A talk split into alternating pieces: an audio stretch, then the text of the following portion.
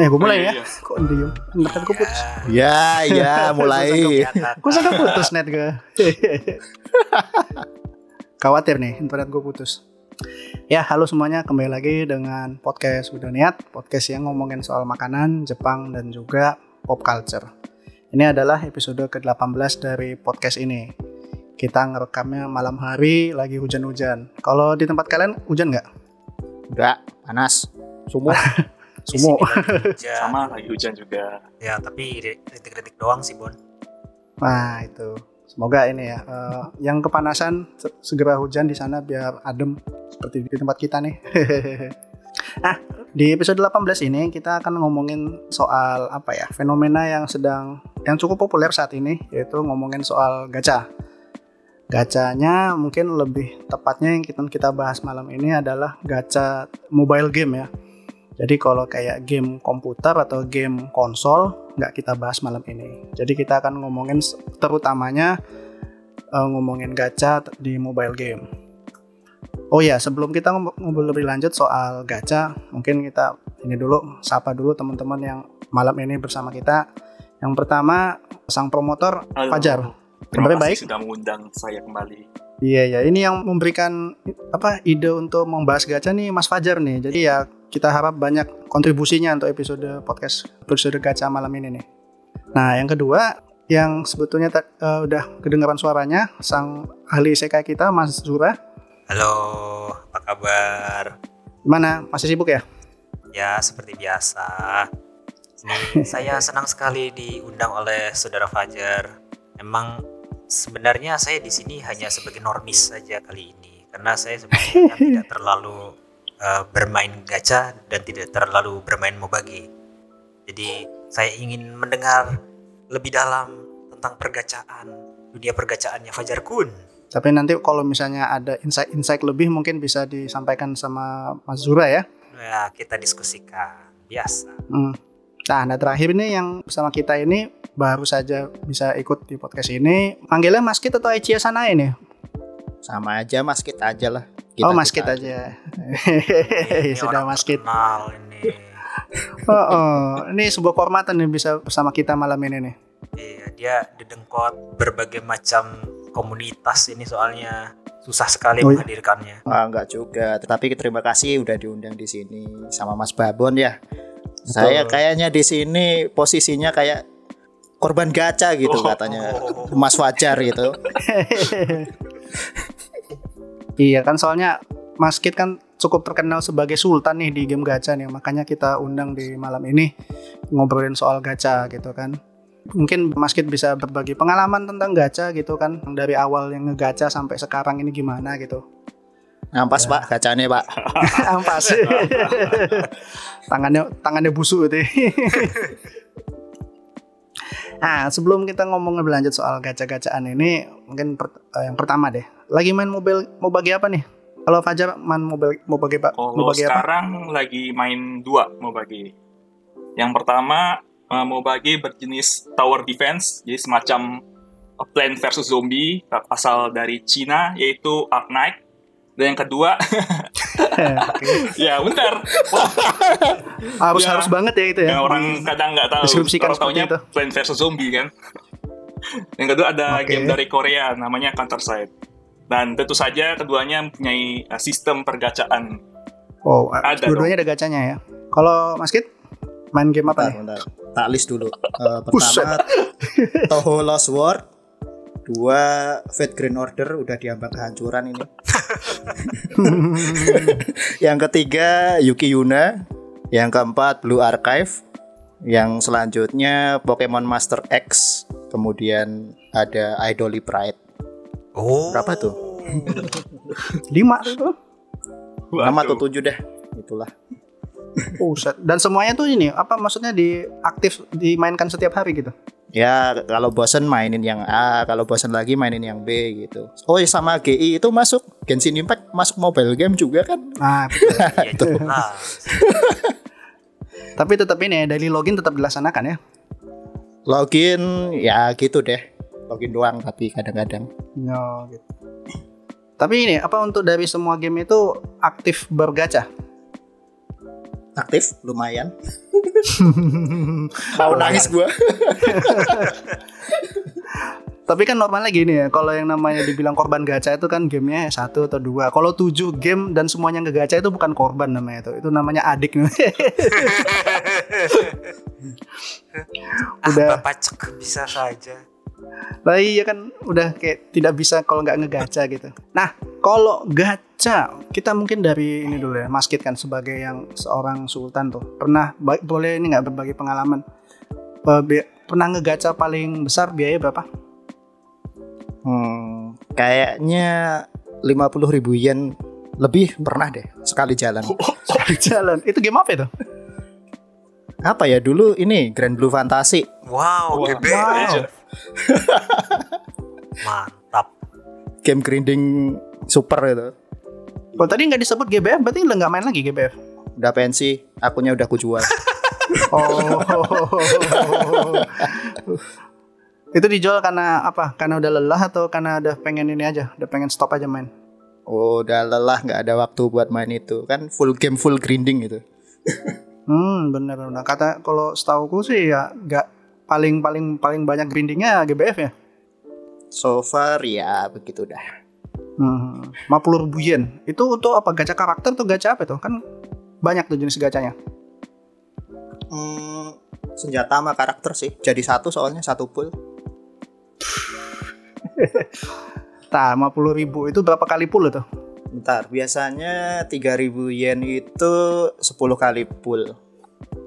3 ribu. Berarti Berapa 17. 17 18 ya sekitar itulah. Eh, mungkin perlu 18. dikasih perspektif juga 50 ribu yen itu sekitar enam setengah juta rupiah ya kawan-kawan. Wow. oh. Luar Wow. biasa. Ternyata gue pernah mengalami masa seperti itu.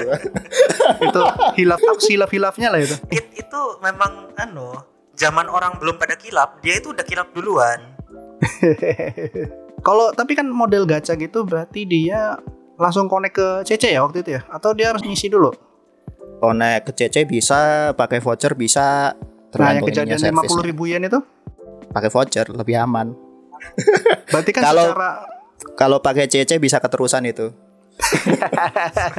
nggak keterusan aja 50 ribu yen. itu lagi ngincer karakter apa tuh sampai sebanyak itu ngeluarin duit? Aku lupa. Kayaknya karakter zodiak deh yang dirilisnya 12 tahun sekali kononnya. Wow. Tapi pada akhirnya pas itu dirilis kayak semacam eh, jadi tahun ini rilis, tahun depannya vakum, tahun berikutnya baru rilis rilis lagi. Wah, itu salty banget berarti kalau misalnya tiba-tiba itu. Iya. Garam-garaman lah istilahnya. iya iya iya. Ya kalau gacha itu ada istilah salty ya gitu, garam gitu ya. Ketika kita kita mau ngegacha terus nggak dapat yang kita inginkan padahal ngeluarin biaya yang cukup besar. Sementara temen cuman ya istilahnya mungkin gacha free atau cuma ngeluarin biaya sedikit tapi langsung dapat gitu. Itu garamnya luar biasa itu ya. nah, kalau kan gacha itu kan ada ini ya, ada beberapa jenis ya. Eh setauku ya. Kan ada gacha premium sama gacha free. Itu kan kadang di beberapa game itu dipisahkan tuh. Jadi kayak khusus untuk yang free eh, cuma dapat pool pool karakternya sekian. Sementara gacha yang premium eh, itu lebih banyak gitu. Menurut kalian kalau dibedakan kayak gitu gimana? Adil nggak? Uh, menurutku sih uh, adil-adil aja. Selama yang premium ini jangan sering-sering. Artian ini uh, dalam uh, momen-momen spesial aja. Misalkan ada momen uh, anniversary atau 100 apa anniversary lah. Dan juga kalau bisa sih ada guaranteed-nya atau selectable. Atau uh, minimal ada sistem PT-nya lah. PT itu apa sih? PT itu ada kondisi di mana ini kan setelah sekian kali pull itu kita digaransikan eh, pasti mendapatkan suatu karakter tah karakter yang di highlight atau karakter lain yang karakter premium yang ada di pool itu kan itu sih sama yang itu sih jangan Hmm. terlalu OP ya terlalu terlalu jago karakternya dari segi stat atau dari segi kemampuan ability gitu Oh ya tadi lupa nanya ke Fajar tadi berapa kalau Oh. lu? Kalau Gacha terbesar. aku eh, paling besar eh, sejuta pernah. itu waktu itu lagi itu lagi tak kenapa tuh lagi ngepull kan lagi gacha, tak kenapa tuh lagi ampas-ampasnya banget. Itu lagi karakternya tuh kebetulan karakter di, di game Knight gitu kan kan ada dia istilahnya situ ada tiga karakter yang membuat eh, game itu menjadi lebih gampang. Nah, salah satu karakter tuh pengen Mm-mm. tipu lah, pengen saya eh bull tuh kenapa tuh nggak dapat tuh dari free free gacanya. Lalu kan habis kan?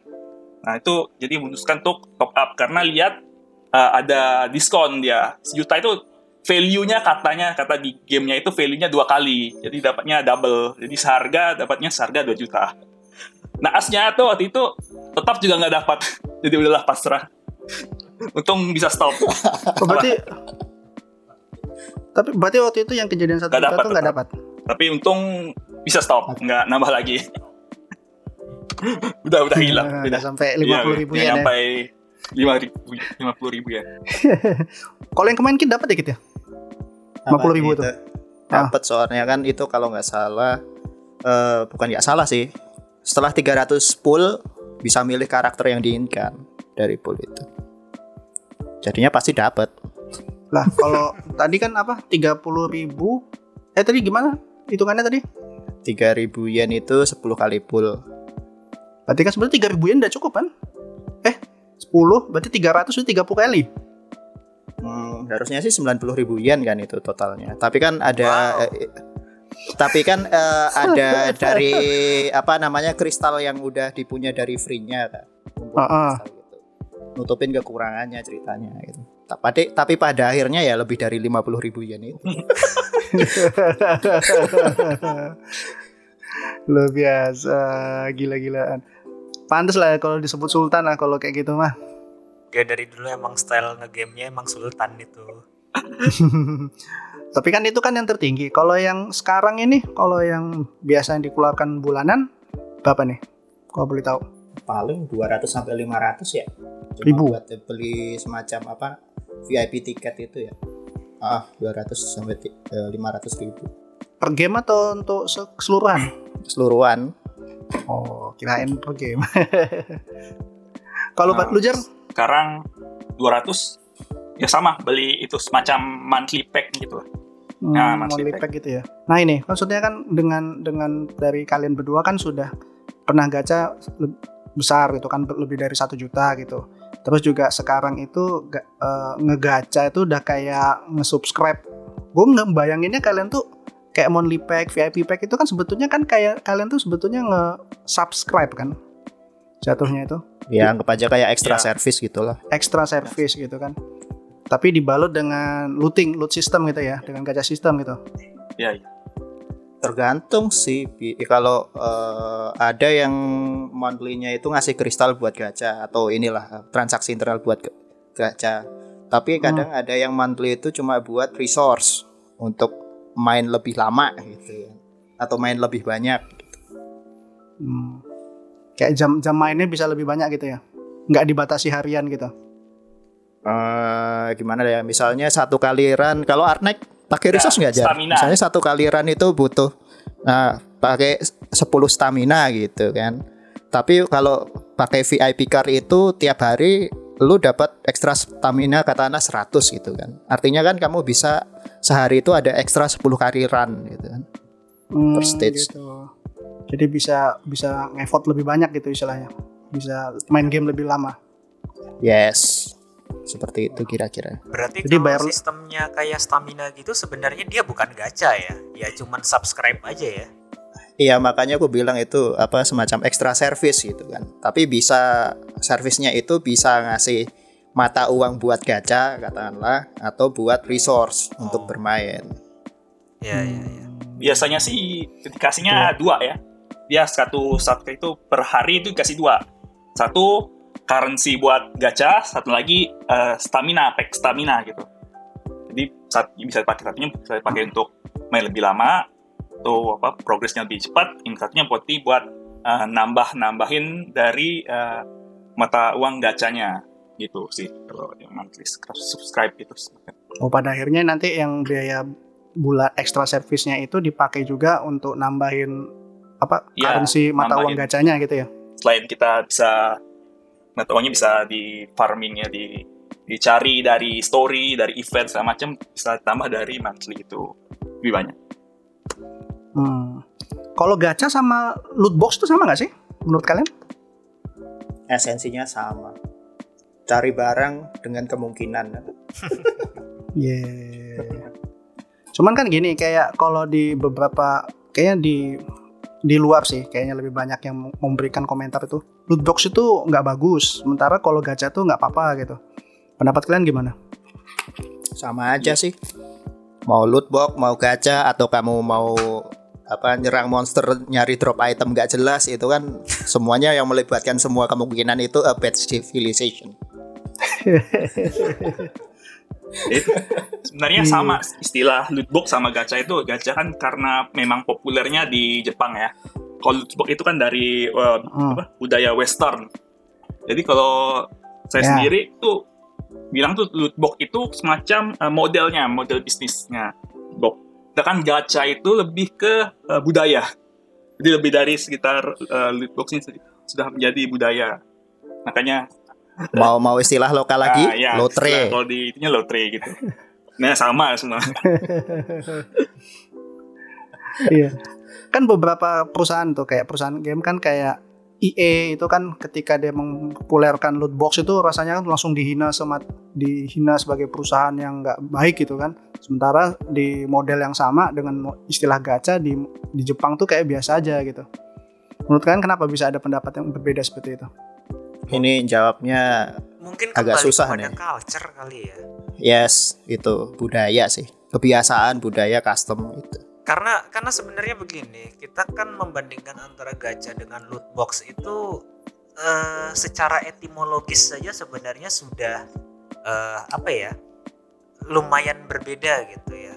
Eh, weight-nya itu jauh berbeda gitu. Jadi kalau kita bilang gacha, gacha itu kan sebenarnya definisinya sendiri itu tidak terbatas hanya kepada gacanya mobage, mobile game gitu kan eh, gacanya sendiri kan sudah ada sejak zaman entah kapan. Gacapon ya. Iya. Jadi eh, apa namanya?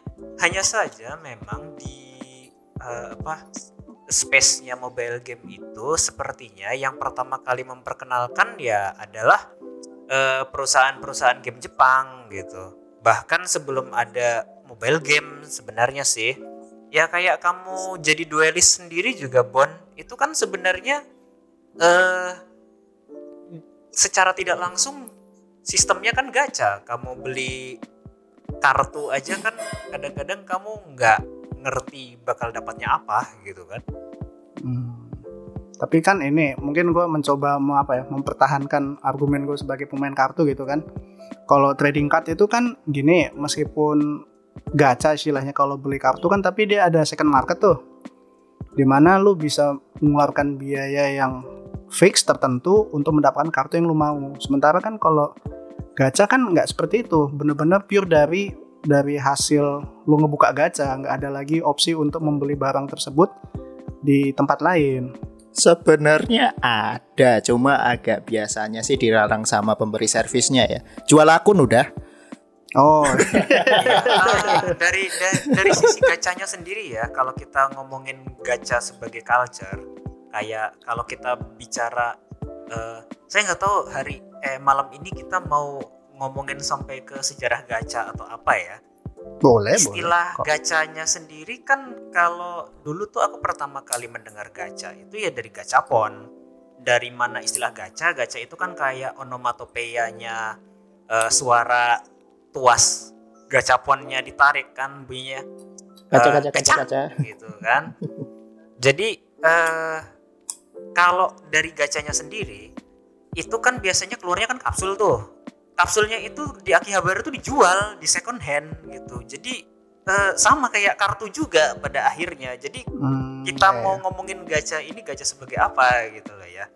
Eh kalau gacha sebagai kulturalnya sendiri gitu ya. Walaupun kayak kalau misalnya eh, duelis mau beli kartu gitu itu nggak ada yang bilang itu gacha gitu ya ya bilangnya random aja dapatnya gitu hanya saja eh, istilah gacha ini kan menjadi maknanya agak-agak kabur setelah mereka mendapatkan eh, apa ya audiens internasional. Jadi eh, anak-anak di Indonesia yang tidak pernah tahu apa itu istilah asal usulnya gacha itu eh, ya kayak pokoknya semua yang ada eh, unsur random, ada semua yang unsur eh, apa namanya judi gitu misalnya itu langsung disebut gacha. Padahal eh mungkin karena gacha ini eh, istilah Jepang ya menurutku ya orang Jepang tidak akan menyebut itu gacha gitu loh ya. Tapi nyebutnya sebagai apa?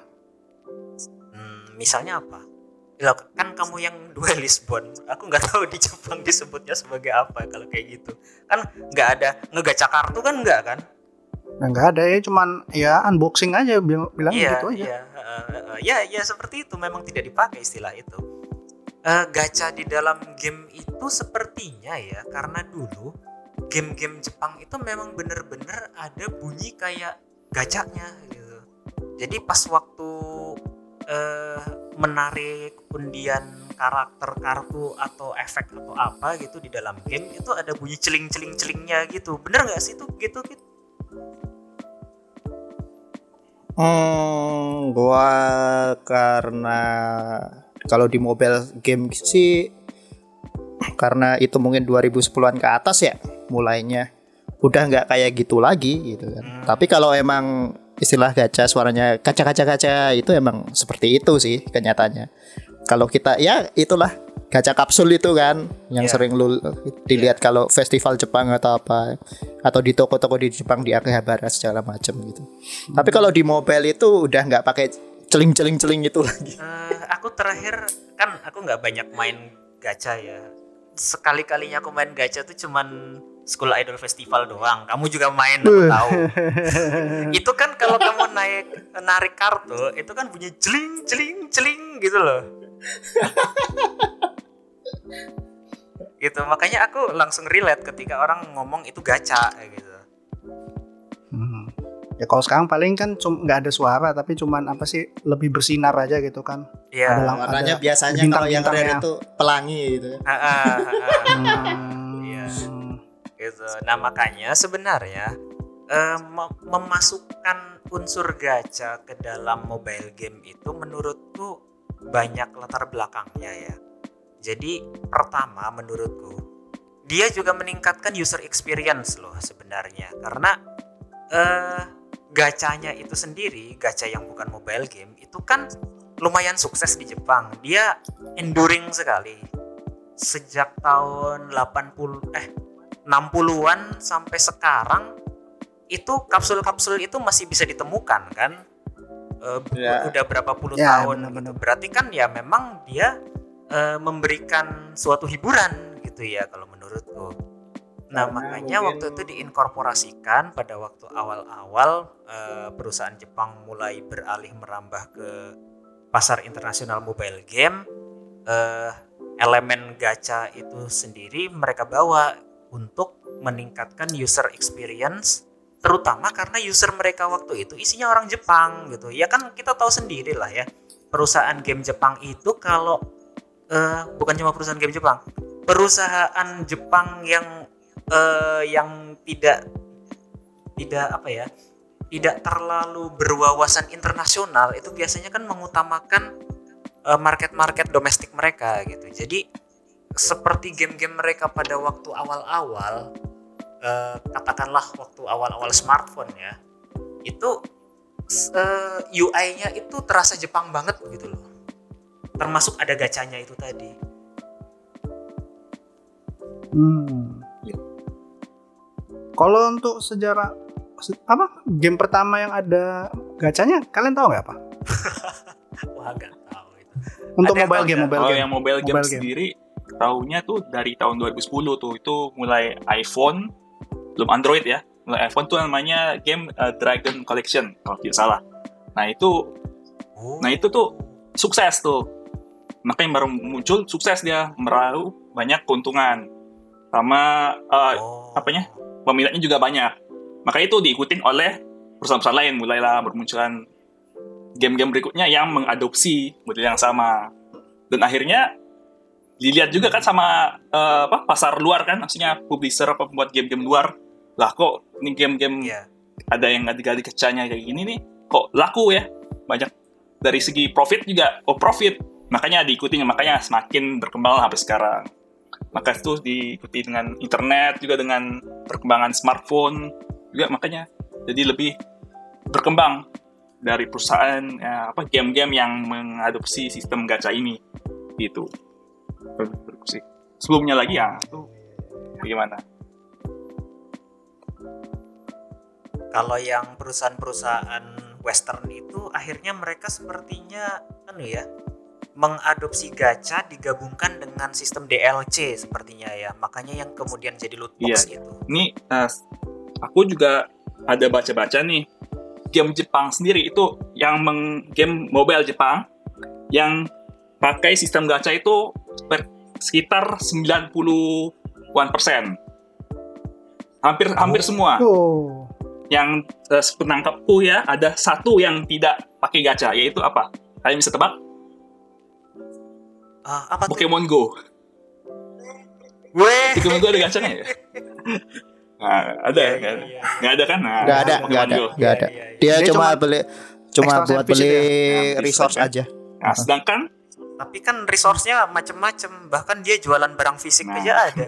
itu Itu kan merchandise nah, itu. Itu merchandise itu. Nggak ada hubungannya.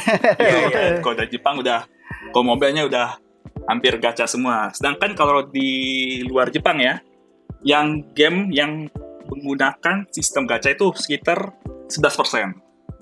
Dan Hmm. masih Oh, dikit, malah masih dikit ya? dikit gitu. Masih ya kayak jual game gitu. Ataupun sistemnya eh, s- apa? Apa bayar bayar untuk main apa gitu atau Eh, Iya, iya, iya. beli gamenya gitu atau beli subscribe subscription lalu main full game gitu sih jarang sih yang Hmm. ada gacha karena jarang aja banyak protes di luar kan ya bilang apa lah baru baru Kan, masuk lah karena budaya-budaya Western is being Western. budaya-budaya ini kan gacha-gacha ini ya itu baru masuk ke- baru berkembang lah di dunia barat gitu sih Iya, iya, iya. Berarti emang lebih karena ini ya, karena di, di Jepang sendiri itu memang budaya gacha itu memang sudah ada gitu ya, jauh sebelum mobile game itu menerapkan sistem gacha gitu. Jadi cuman kayak istilah pindah ini aja, pindah media aja gitu ya, dari yang sebelumnya ngegacha di real life, sekarang ngegacha di mobile Betul. game gitu ya. Ya, kira-kira begitu ya. Hmm. Nah, kalau kalian sendiri gini, gimana? Kan ada tuh eh, tadi sempat dibilang sama si Fajar kan ada yang modelnya subscribe gitu. Ada yang modelnya jadi di- kita ada bayar duluan kayak service ekstra itu untuk tapi bukan service ekstra ya. Kalau subscribe itu kan berarti kalau nggak bayar nggak bisa main tuh. Sama seperti kayak kita dulu zaman Ragnarok yang apa? Ragnarok online dulu kan seperti itu tuh. Beli voucher untuk biar bisa main atau Final Fantasy 14. Iya. Nah, dibandingkan sama game yang ah, gratis tapi ada gacanya. Kalau kalian lebih prefer yang mana? Lebih prefer game full game tapi nggak ada gacanya sih. Itu impian namanya. tapi kalau dari dua case yang tadi gimana? Nge-subscribe versus gacha. Kalau aku sih mending yang ini ya, apa namanya, yang free to play dulu ya, bisa main tanpa bayar dulu. Nanti kan apa namanya, kita mau gacha atau enggak itu kan i- urusan belakangan gitu kan. Tapi yang jelas kita udah nyoba game itu, user experience-nya gimana. Hmm. Tapi kalau apa namanya, eh, yang model kayak Ragnarok zaman dulu itu yang pakai voucher itu, kalau nggak punya duit ya nggak bisa main, udah selesai di Iya, situ. benar. Iya benar kan jadi istilahnya kalau lu nggak bayar uang di awal ya nggak bisa main gitu. Iya. Hmm, jadi lebih baik yang free to play dulu tapi nanti model gacanya ya di- Ya, ada ada tapi ya dibebaskan gitu ya nggak perlu harus bayar gitu gitu. ya pada dasarnya hampir semua game mobile semuanya kayak gitu sih sekarang. Hmm. Tapi kalau yang ini, kalau game mobile, game bukan game mobile ya, semua game nih, udah udah belinya bayar, tapi masih ada gacanya. Kalau kan gimana pendapatnya? Mungkin anu Bon ya, kalau yang eh, apa eh untuk menanggapi ini kita ingat-ingat kembali dulu sebenarnya bahwa kenapa ada sistem-sistem kayak begini.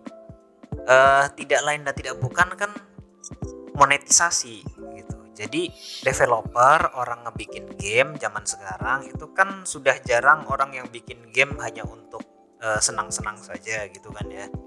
Eh, sebagian besar kan pasti punya investor, mungkin yang bikin startup, mungkin eh, apa namanya? Karena eh, cost of game development sekarang kan juga sudah naik gitu. Nah, Betul. eh zaman dulu mungkin eh pas pas apa game-game komputer ini kan sebenarnya dikembangkan oleh orang-orang iseng dulu awalnya tahun 70-an tahun 60-an gitu ya. Eh, jadi peneliti-peneliti di universitas atau apa gitu itu mereka punya waktu luang, mereka megang mesin jutaan dolar.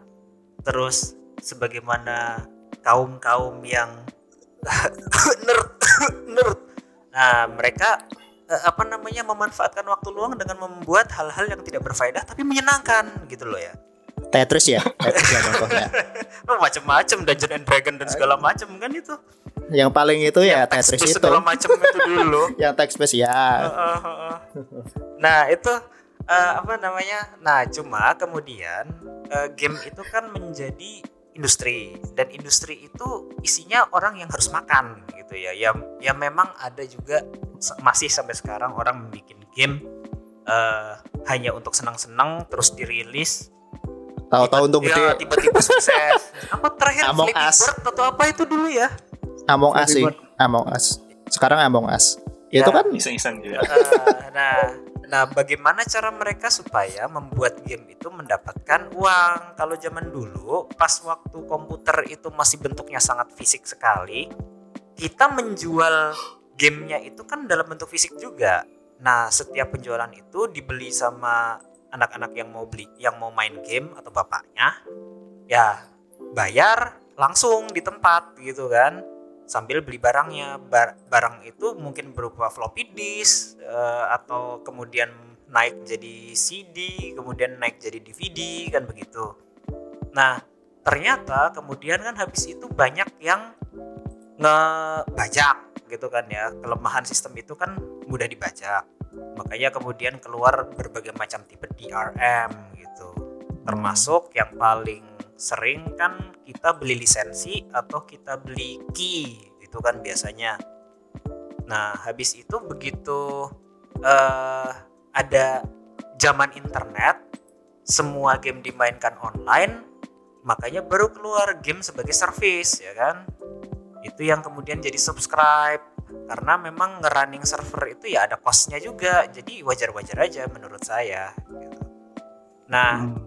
eh apa namanya sekarang itu muncul eh, fenomena gacha ini sebenarnya tidak lain karena eh, sudah pasti berhubungan dengan rise of smartphone gitu kan ya semahu kan sekarang eh, penetrasinya sangat tinggi dan tingginya penetrasi ini juga berpengaruh kepada demografinya kalau zaman dulu yang main game apalagi pas waktu zaman PC, zaman PlayStation itu kan pasti orang berduit gitu.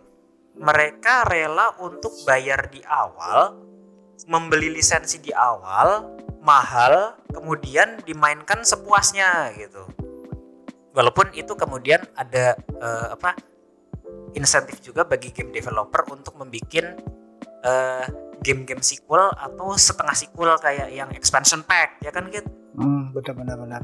Nah, gitu. Hmm, benar benar Jadi, benar. eh, apa namanya eh, demografi ini sekarang orang miskin pun main game gitu sehingga eh bagaimana caranya supaya orang yang eh, tidak mau mengeluarkan uang banyak hanya untuk main game itu tertarik mencoba dulu main game tetapi dengan limitasi-limitasi itulah yang kemudian muncul eh, istilah free to play, f- eh, premium game, apa namanya, premium content Freemium. gitu kan.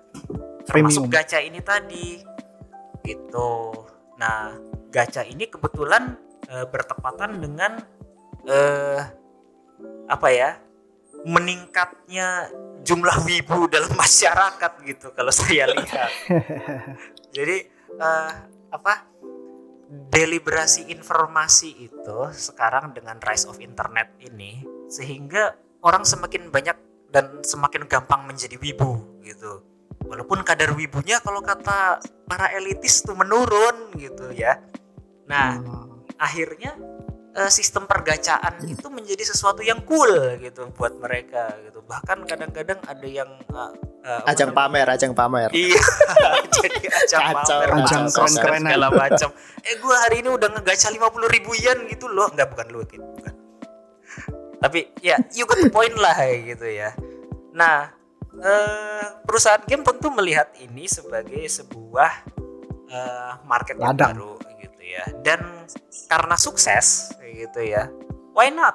Gitu. Jadi yang namanya eh, free market kan terutama dalam eh, apa ya namanya game-game online begini kan modelnya ya mereka harus cater tuh apa pun selera pasar gitu kalau ternyata pasar lebih gampang dimonetisasi eh, dengan menggunakan sistem gacha dengan sistem subscribe dibandingkan dengan penghasilan 100% dari iklan ya why not? Gitu.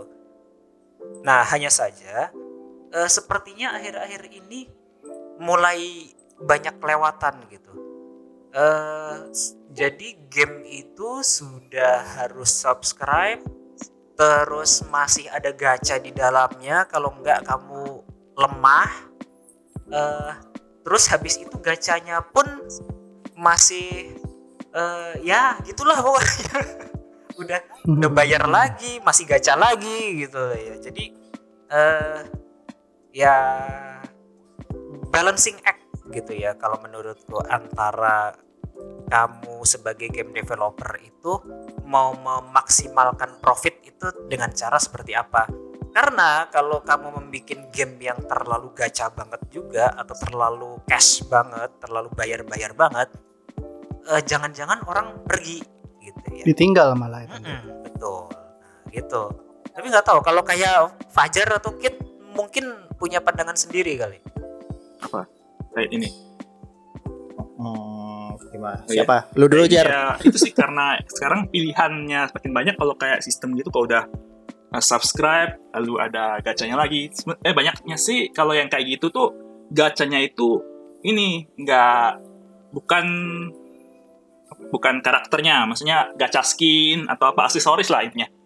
Kosmetik itu yang ah ya yang Aksesoris, ah, ya yang kosmetik. memperindah lah. Jadi orang nggak terlalu tidak terlalu inilah karena seperti pilihannya tidak terlalu tidak peduli lah kan kalau mau beli beli nggak enggak kan nah, opsional aja opsional kan, jangan aja mengganggu gitu kan. gameplaynya sendiri situ nah, nah, Iya, iya. nah kalau yang udah eh, subscribe lalu karakternya eh, gacha lagi itu pasti kan karena pilihan sekarang makin banyak game-game juga banyak pasti kan akan mudah untuk ditinggalkan seperti itu sih kalau menurutku Ya, ya, ya. Oh, benar, benar, menurut- benar.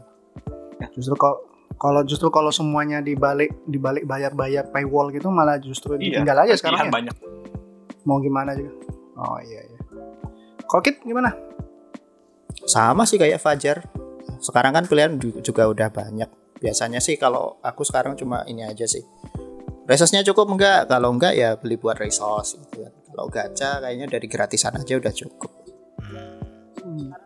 Cuma Tapi kan sekarang- ini nih, Tapi sekarang lagi Ilya ada bannernya nih. Enggak tahu nih mau ngeluarin duit enggak nih. nah lu, nah lu gimana itu?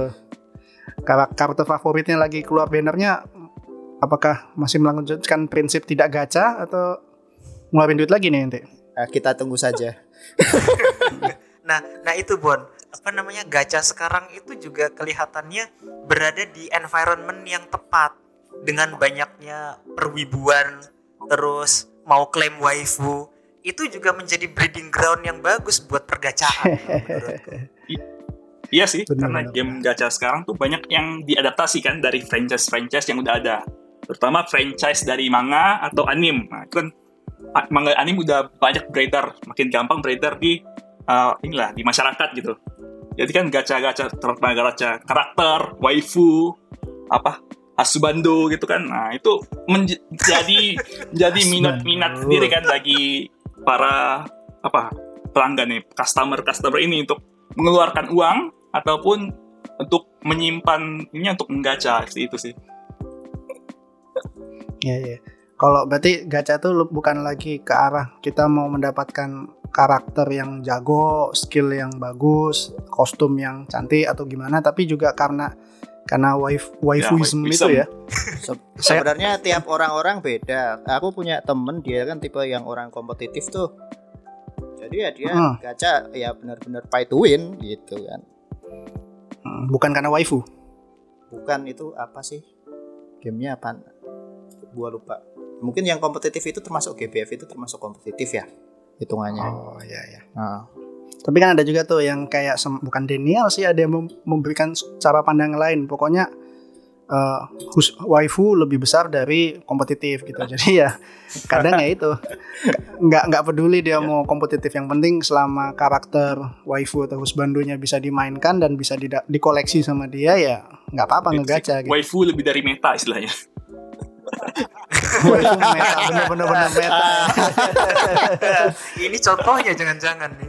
Jangan-jangan itu makanya perusahaan game itu kadang ngeluarin karakter yang secara skill itu mantap dan juga kadang ada karakter yang sebenarnya skillnya biasa aja.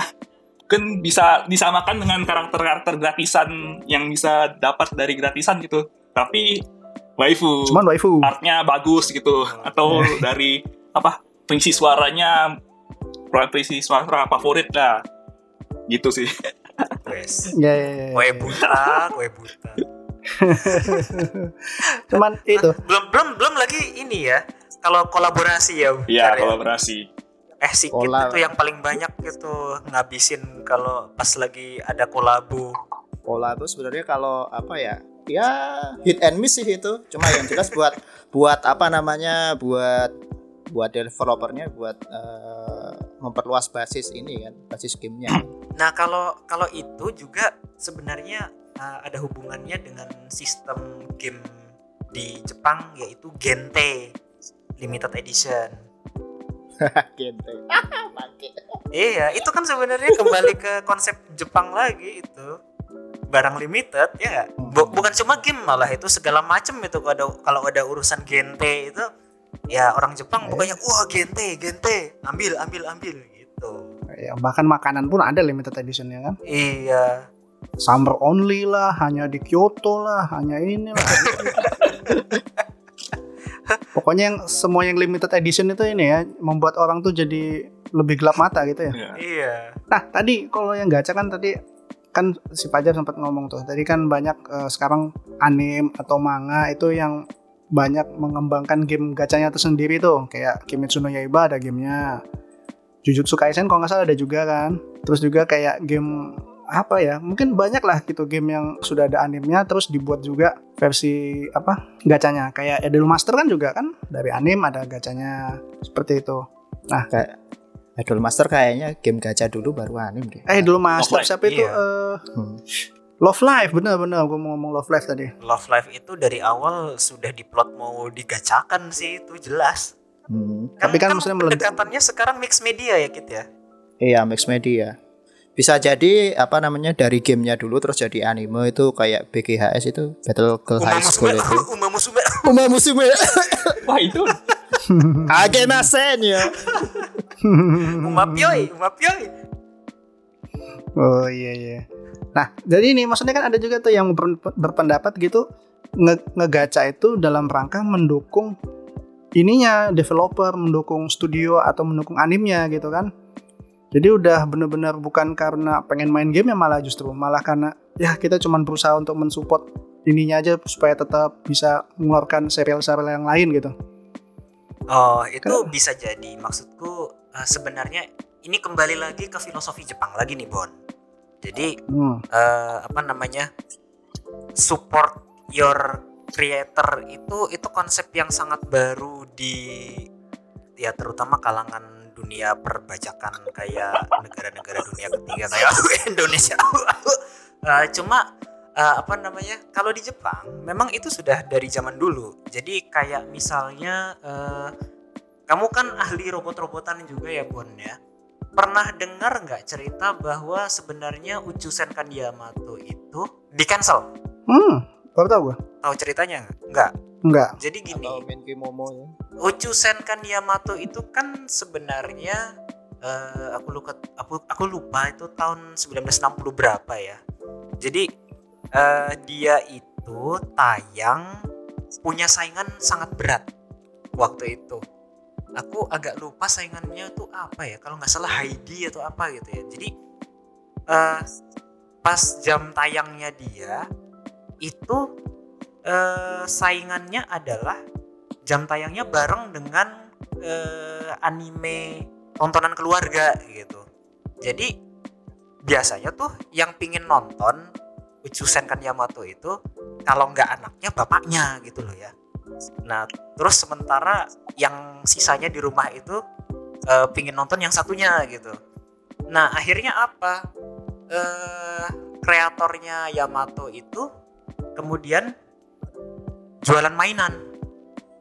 Terus dia Oh. juga ngasih ngasih pesan ke eh, fans-fansnya bilang ini kita all out. Kita mau bikin eh Uchusen kan Yamato movie. Kalau eh, apa namanya untuk itu kita juga butuh modal dengan jualan mainan. Tolong dibeli. Kalau kalian nggak beli kita nggak punya duit movie-nya nggak jadi. Gitu. Iya. Terus habis itu kalau udah jadi movie tolong ditonton. Kalau nggak ditonton bubar kita bangkrut beneran gitu. Jadi jadi bener-bener gambling waktu itu mereka ngebikin. udah memohon gitu ya. Iya, eh, apa namanya dan ini bisa dibahas juga kapan-kapan eh, ada support dari Otaku Magazine sebenarnya waktu itu. Jadi eh, apa namanya majalah-majalah Otaku itu pas zaman-zamannya ya tahun 60 70 80-an itu itu berperan penting terhadap perkembangan dunia per otakuan di Jepang gitu. Tapi itu cerita yang sangat panjang kayaknya di luar konteks urusan pergacaan gitu. Nah. oke oke. Eh, kemudian apa yang terjadi?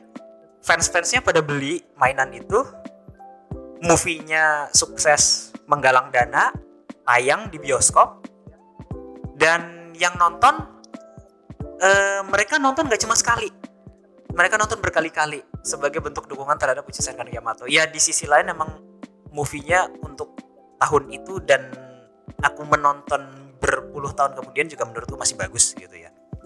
Jadi eh, ya seperti itu eh, mindsetnya orang Jepang gitu. Jadi jangan disamakan dengan mindset sini itu jauh gitu ya. Dan ternyata kan tidak hanya dalam rangka mendukung anime saja, mendukung eh, support terhadap kreator favorit mereka itu di segala bidang. Peridolan misalnya ya gitu. Fajar. Yang lalu biarlah berlalu. Banyak batuk ya Zura malam ini. semua pernah ngidol pada masanya ya.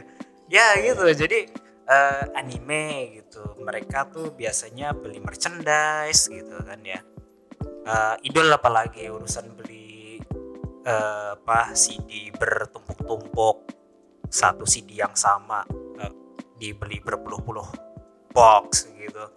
Itu memang anu eh, mindset Jepang gitu yang dengan semakin menginternasionalnya perwibuan sebenarnya perotakuan ya ibu tuh kadang-kadang agak nggak nangkep yang begini-begini gitu. Biasanya tuh mereka malah bikin ribet sendiri kayak apa kemarin ribut-ribut Kamen Rider itu Apa itu?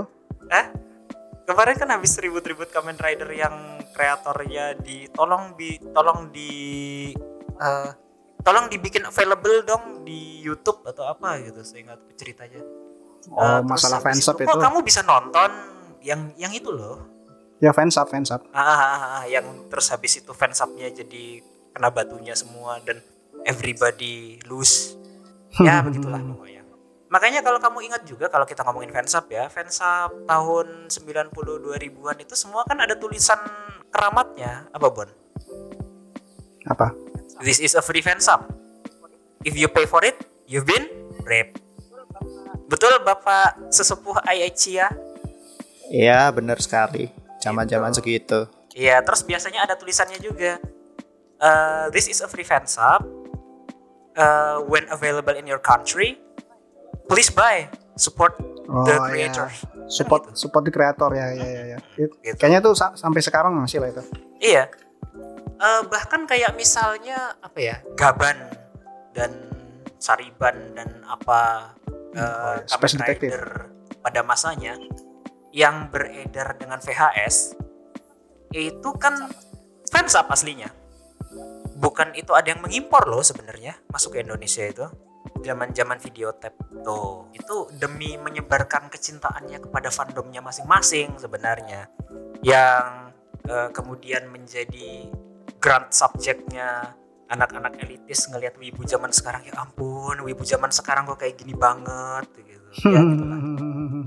tapi tapi an- iya. anu ini eh, kenapa kita sampai ke sini tadi perasaan ngomongin gacha lanjut lanjut lanjut back to gacha lah, back to gacha. Back to Tapi gacha, intinya itu to sih. gacha. Emang salah satu bentuk support ke kreator itu memang kalau di gacha model gacha itu ya dengan membeli gacanya gitu ya. iya betul Enggak sih, paling kepuasan pribadi juga pada akhirnya. iya yo Desune. Supply and demand lah ya. Kalau Iya, misalnya iya, iya. kalau Ini- mau kalau mau disupport ya berikan kami waifu gitu. Iya. here is waifu here is waifu here is waifu for you Iya. everybody gets waifu Ah, bahkan ini kan ada kayak beberapa game itu yang istilahnya tuh karakternya sama, cuman ya dalam tanda kutip jobnya berbeda, eh, kostumnya beda, dijual lagi, maksudnya dikeluarkan lagi sebagai karakter yang berbeda gitu. Cuma untuk meningkatkan gacha gitu kan itu banyak tuh. kayaknya kid main tuh Apa? Ya itu GP, eh, Grand Blue Fantasy itu salah satunya kayak gitu. Matte version atau gimana? Ada school school girl version gitu-gitu kan? iya iya iya. Kalau nanti ada, ada itu yang biasanya tuh summer version kan, Ya. pakai pakai sim sweet gitu-gitu. Dijual di banner limited. Nah, udahlah kalau bener ya, maksudnya ada jargon-jargon yang pasti ada tuh limited edition, di mana presentasinya kecil, seperti itu. Waifu, jadi makin memancing fansnya tuh untuk melakukan gacanya gitu ya. Cuma kan jadinya gini, apa kayak banyak ada beberapa orang yang mengatakan kalau udah kebanyakan kan kayak perusahaannya sendiri tuh jadi kayak greedy gitu loh. Karena mengang- karena menganggap gacha itu menguntungkan, jadi kayak semuanya itu digacain gitu. Jadi Iya, kayak iya. free to play, tapi eh, pay to win, bukan pay to win malah pay to bayar untuk Ya, bisa main play. secara nyaman. Pay, pay to to play malah. progress, pay to play, macam-macam sih bagaimana pro- developer menginterpretasikan dan mengimplementasikannya. Nah iya makanya itu jadi kayak ya ujung-ujungnya pasti dipaksa gacha gitu kan. Makanya ada beberapa yang jadi kayak kecewa gitu dengan model gacha. Dan mungkin mungkin di, di luar sana mungkin ada juga yang kayak anti gacha gitu malah. Pokoknya sudah mau se game up, bagus apa pun kalau sudah ada gacanya nggak dimainin sama sekali. Seperti sebenarnya justru bukan hanya sampai anti gacha ya. Jadi begini, eh kita kan sudah ngebahas dari tadi bahwa sebenarnya gacha itu aslinya datangnya idenya dari Jepang gitu ya. Begitu sekarang dunia sudah semakin global, international market terbuka, perusahaan-perusahaan barat kan juga mencoba menerapkan wah ini kok sukses gitu. Ayo kita coba juga gitu. Tapi konsumernya nggak siap. Iya, konsumennya nggak siap. Developernya pun juga menurutku karena kita eh, eh, ya karena Risetnya mereka kurang. eh, orang-orang Barat ya yang tidak pernah tahu sejarahnya bagaimana eh, masyarakat Jepang mengadopsi pergacaan itu. Akhirnya mereka menganggap ya udah kita gacakan semua gitu. Itu makanya keluar kontroversi kayak EA Sports gitu misalnya. Yang Iya benar. eh, banyak disorot.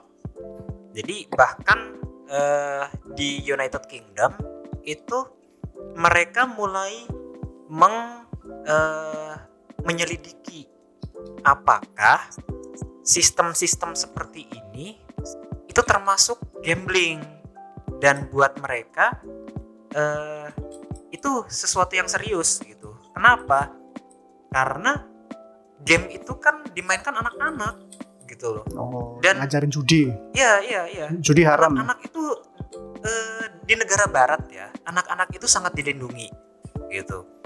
dilindungi dari segala macam eh, apa namanya pengaruh negatif yang hanya boleh menurut mereka ya itu di eh, hanya boleh untuk orang-orang yang sudah dewasa yang eh, se- secara teori lah setidaknya mengetahui apa yang mereka lakukan. They know what they're doing gitu loh ya. Hmm, bisa mikir. Ah, ah, ya kayak misalnya gambling itu juga terutama. Sebagai konteks United Kingdom itu kan gambling legal gitu. Eh, apalagi kalau kamu suka perbolaan gitu ya pasti udah kenal sama yang namanya Mansion, William Hill, Bet and Win kan Nah, gitu-gitu judi bola. Iya judi bola gitu. Biasa aja gitu. Pedi power gitu misalnya. Nah, hanya saja kan biasanya please gamble responsibly gitu ya.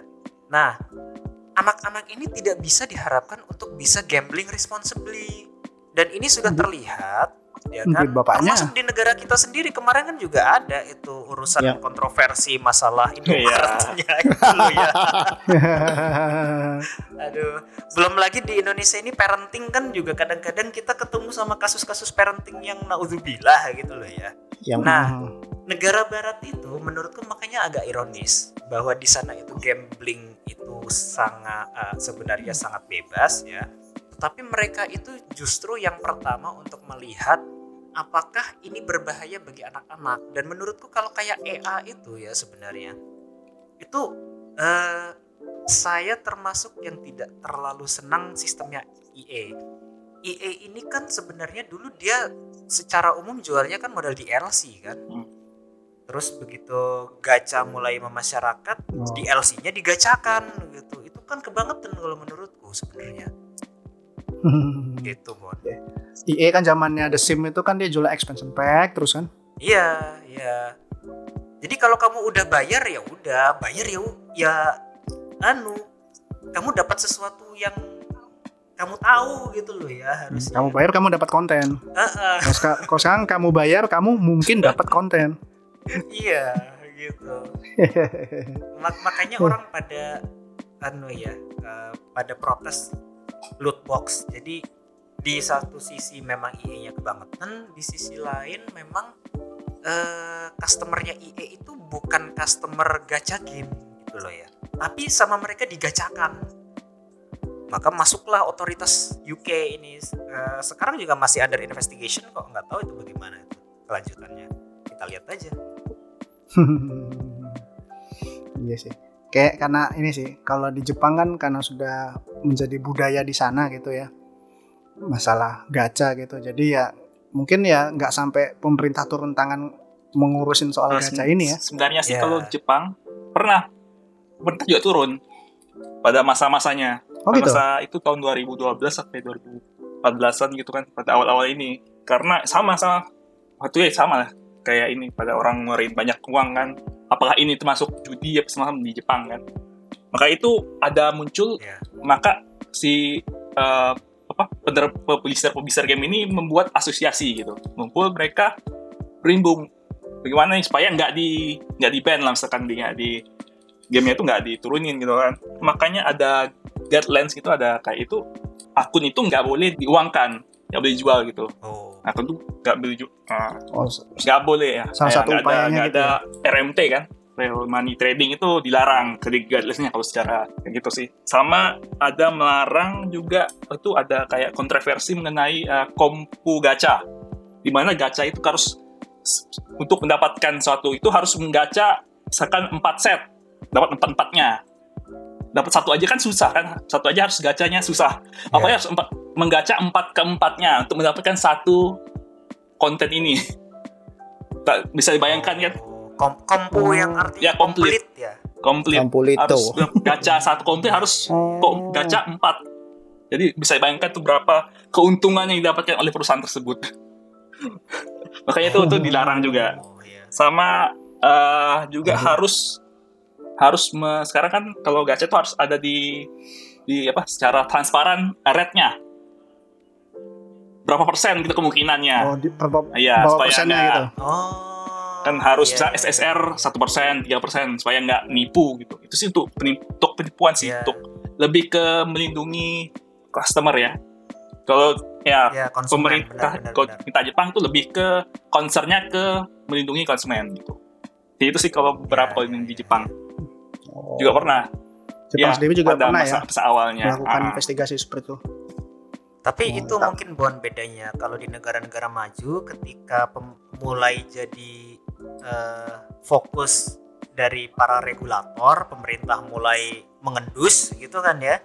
Biasanya mereka akan eh, masuk ke self regulating gitu. Jadi akhirnya mereka duduk bareng terus bikin guideline sendiri yang sebenarnya itu bukan aturan tapi kayak eh, aturan informal Garis-garis yang besar. dibikin oleh asosiasinya sendiri kayak seperti kata Fajar tadi gitu. Pedoman aja gitu ya.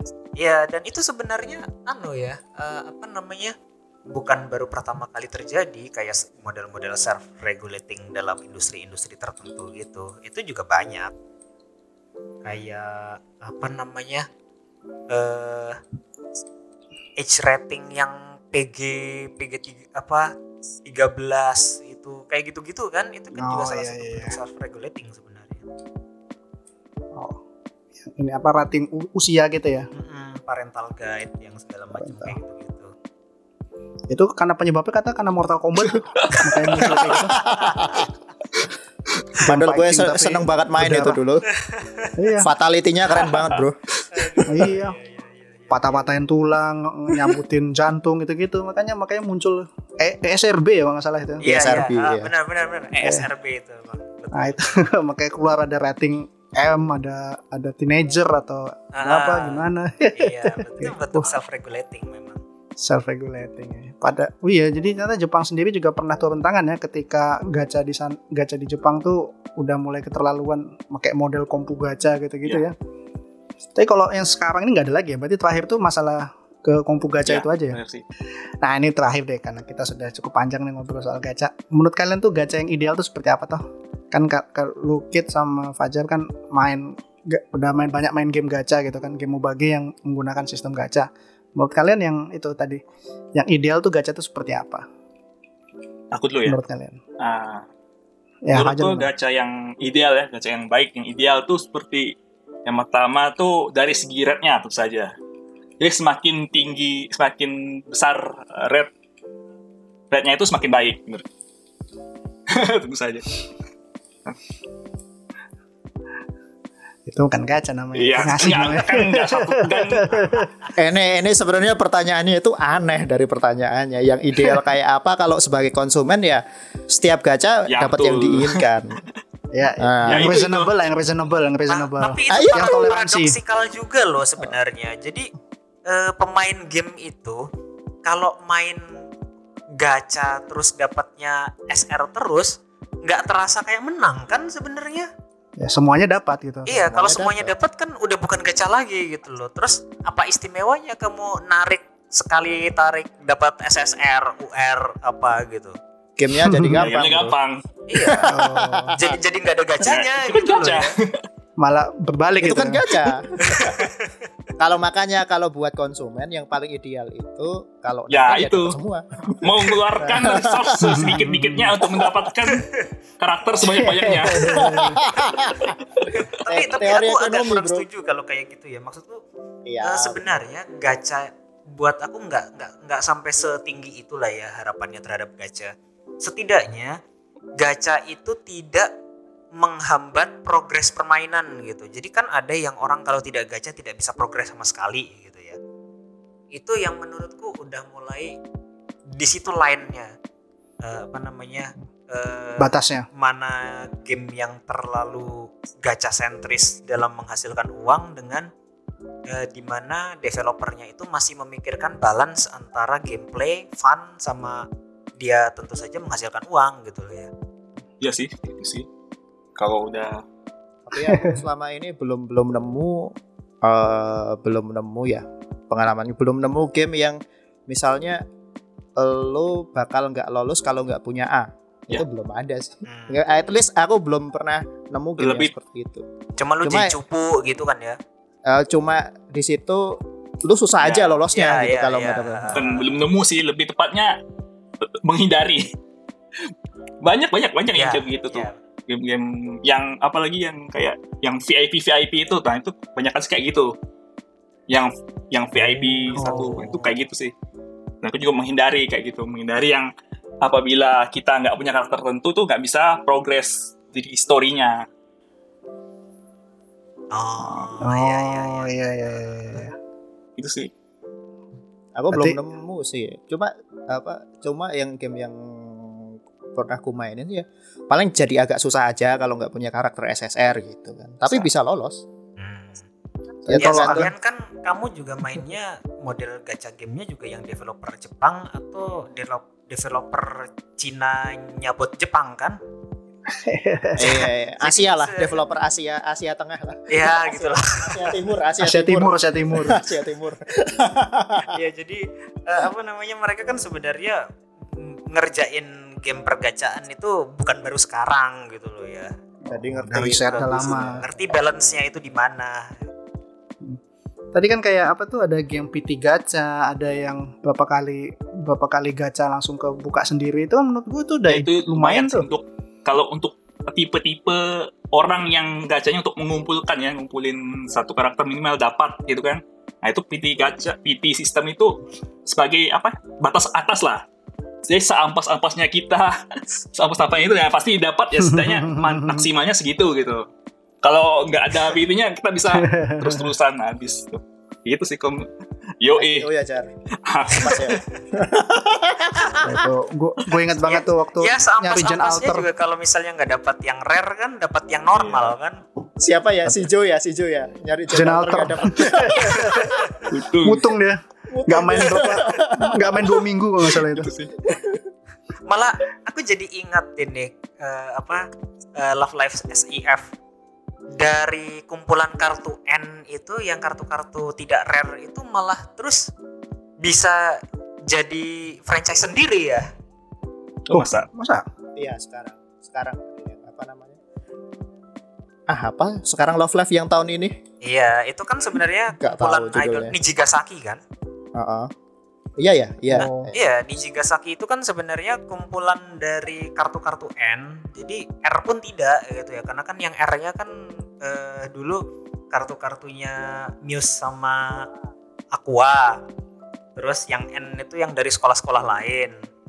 Terus dibikin popularity contest, dipilih kartu-kartu N eh, favorit pemirsa gitu ceritanya. Komis.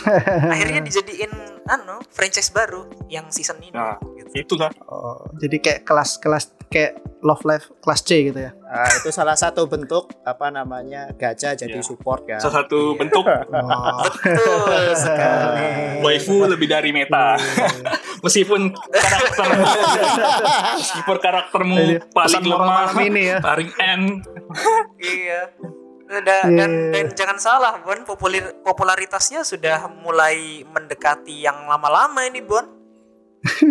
Apalagi dengan bergantinya generasi kan, yang generasi pemuja Tojo Nozomi kayak saya kan udah mulai nggak ikut main. Jadi yang tersisa yang baru-baru gitu loh.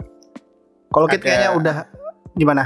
Ya itu apa namanya? Ada ada itulah apa upper ceilingnya lah.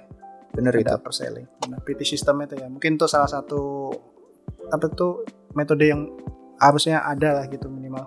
Tapi ini ya intinya tuh eh, pesan moral malam ini adalah waifu lebih lebih baik daripada meta gitu. ya. dan gacha apa support ya gacha yang support gacha mensupport developer Support gacha waifu, Support your waifu. Eh, support ya waifu via gacha. Karena Support your lebih besar waifu mah dari zaman Rei Ayanami itu pokoknya. Ya. Tapi nggak gacha Oh, iya, zaman iya. dulu. ah, udah udah. Dia keluar topik mau ngomongin Ah. itu apa namanya Evangelion. Itu Enggak, enggak, jangan, jangan, jangan. Jangan, jangan. Nanti, bubar, bubar. nanti nanti kita di episode yang lain deh kita bahas soal, soal Evangelion dan waifu-waifu yang lainnya gitu ya. Tapi untuk malam ini mungkin cukup dulu deh. Kita udah cukup panjang ngobrolinnya. Thanks buat Sultan Kit. Terima kasih atas waktunya bisa bergabung sama kita. Terima kasih juga kepada Fajar sama Zura yang juga bisa menyediakan waktunya malam ini ngobrolin soal gacha Ya, sama-sama. dan kita dan kita mendapatkan pesan Sama-sama. moral mendapatkan pesan moral yang luar biasa gini kan simpulan yang luar biasa jadi ya Waifu over mungkin- meta. Waifu over meta, betul sekali. Jangan lupa support apa, kreator ka- favorit kalian melalui game gacha, melalui game mobile dan ya itu. Eh, tetap bermain gacha dengan reasonable lah, dengan masuk akal gitu. Jangan Iya. jangan kayak sultan juga lah, jangan sok-sokan sultan itu ujung-ujungnya salty. Padahal kita di sini bersama dua orang sultan sih sebenarnya. Makanya Jangan kalau kita seba- sebagai peasant kita nggak boleh lah gitu. Mungkin sekian dulu dari gua, gua Balibon dari podcast Sudah Niat undur diri, sampai jumpa. Bye. Sampai jumpa. Jangan lupa Sampai jumpa. support kreator podcast juga.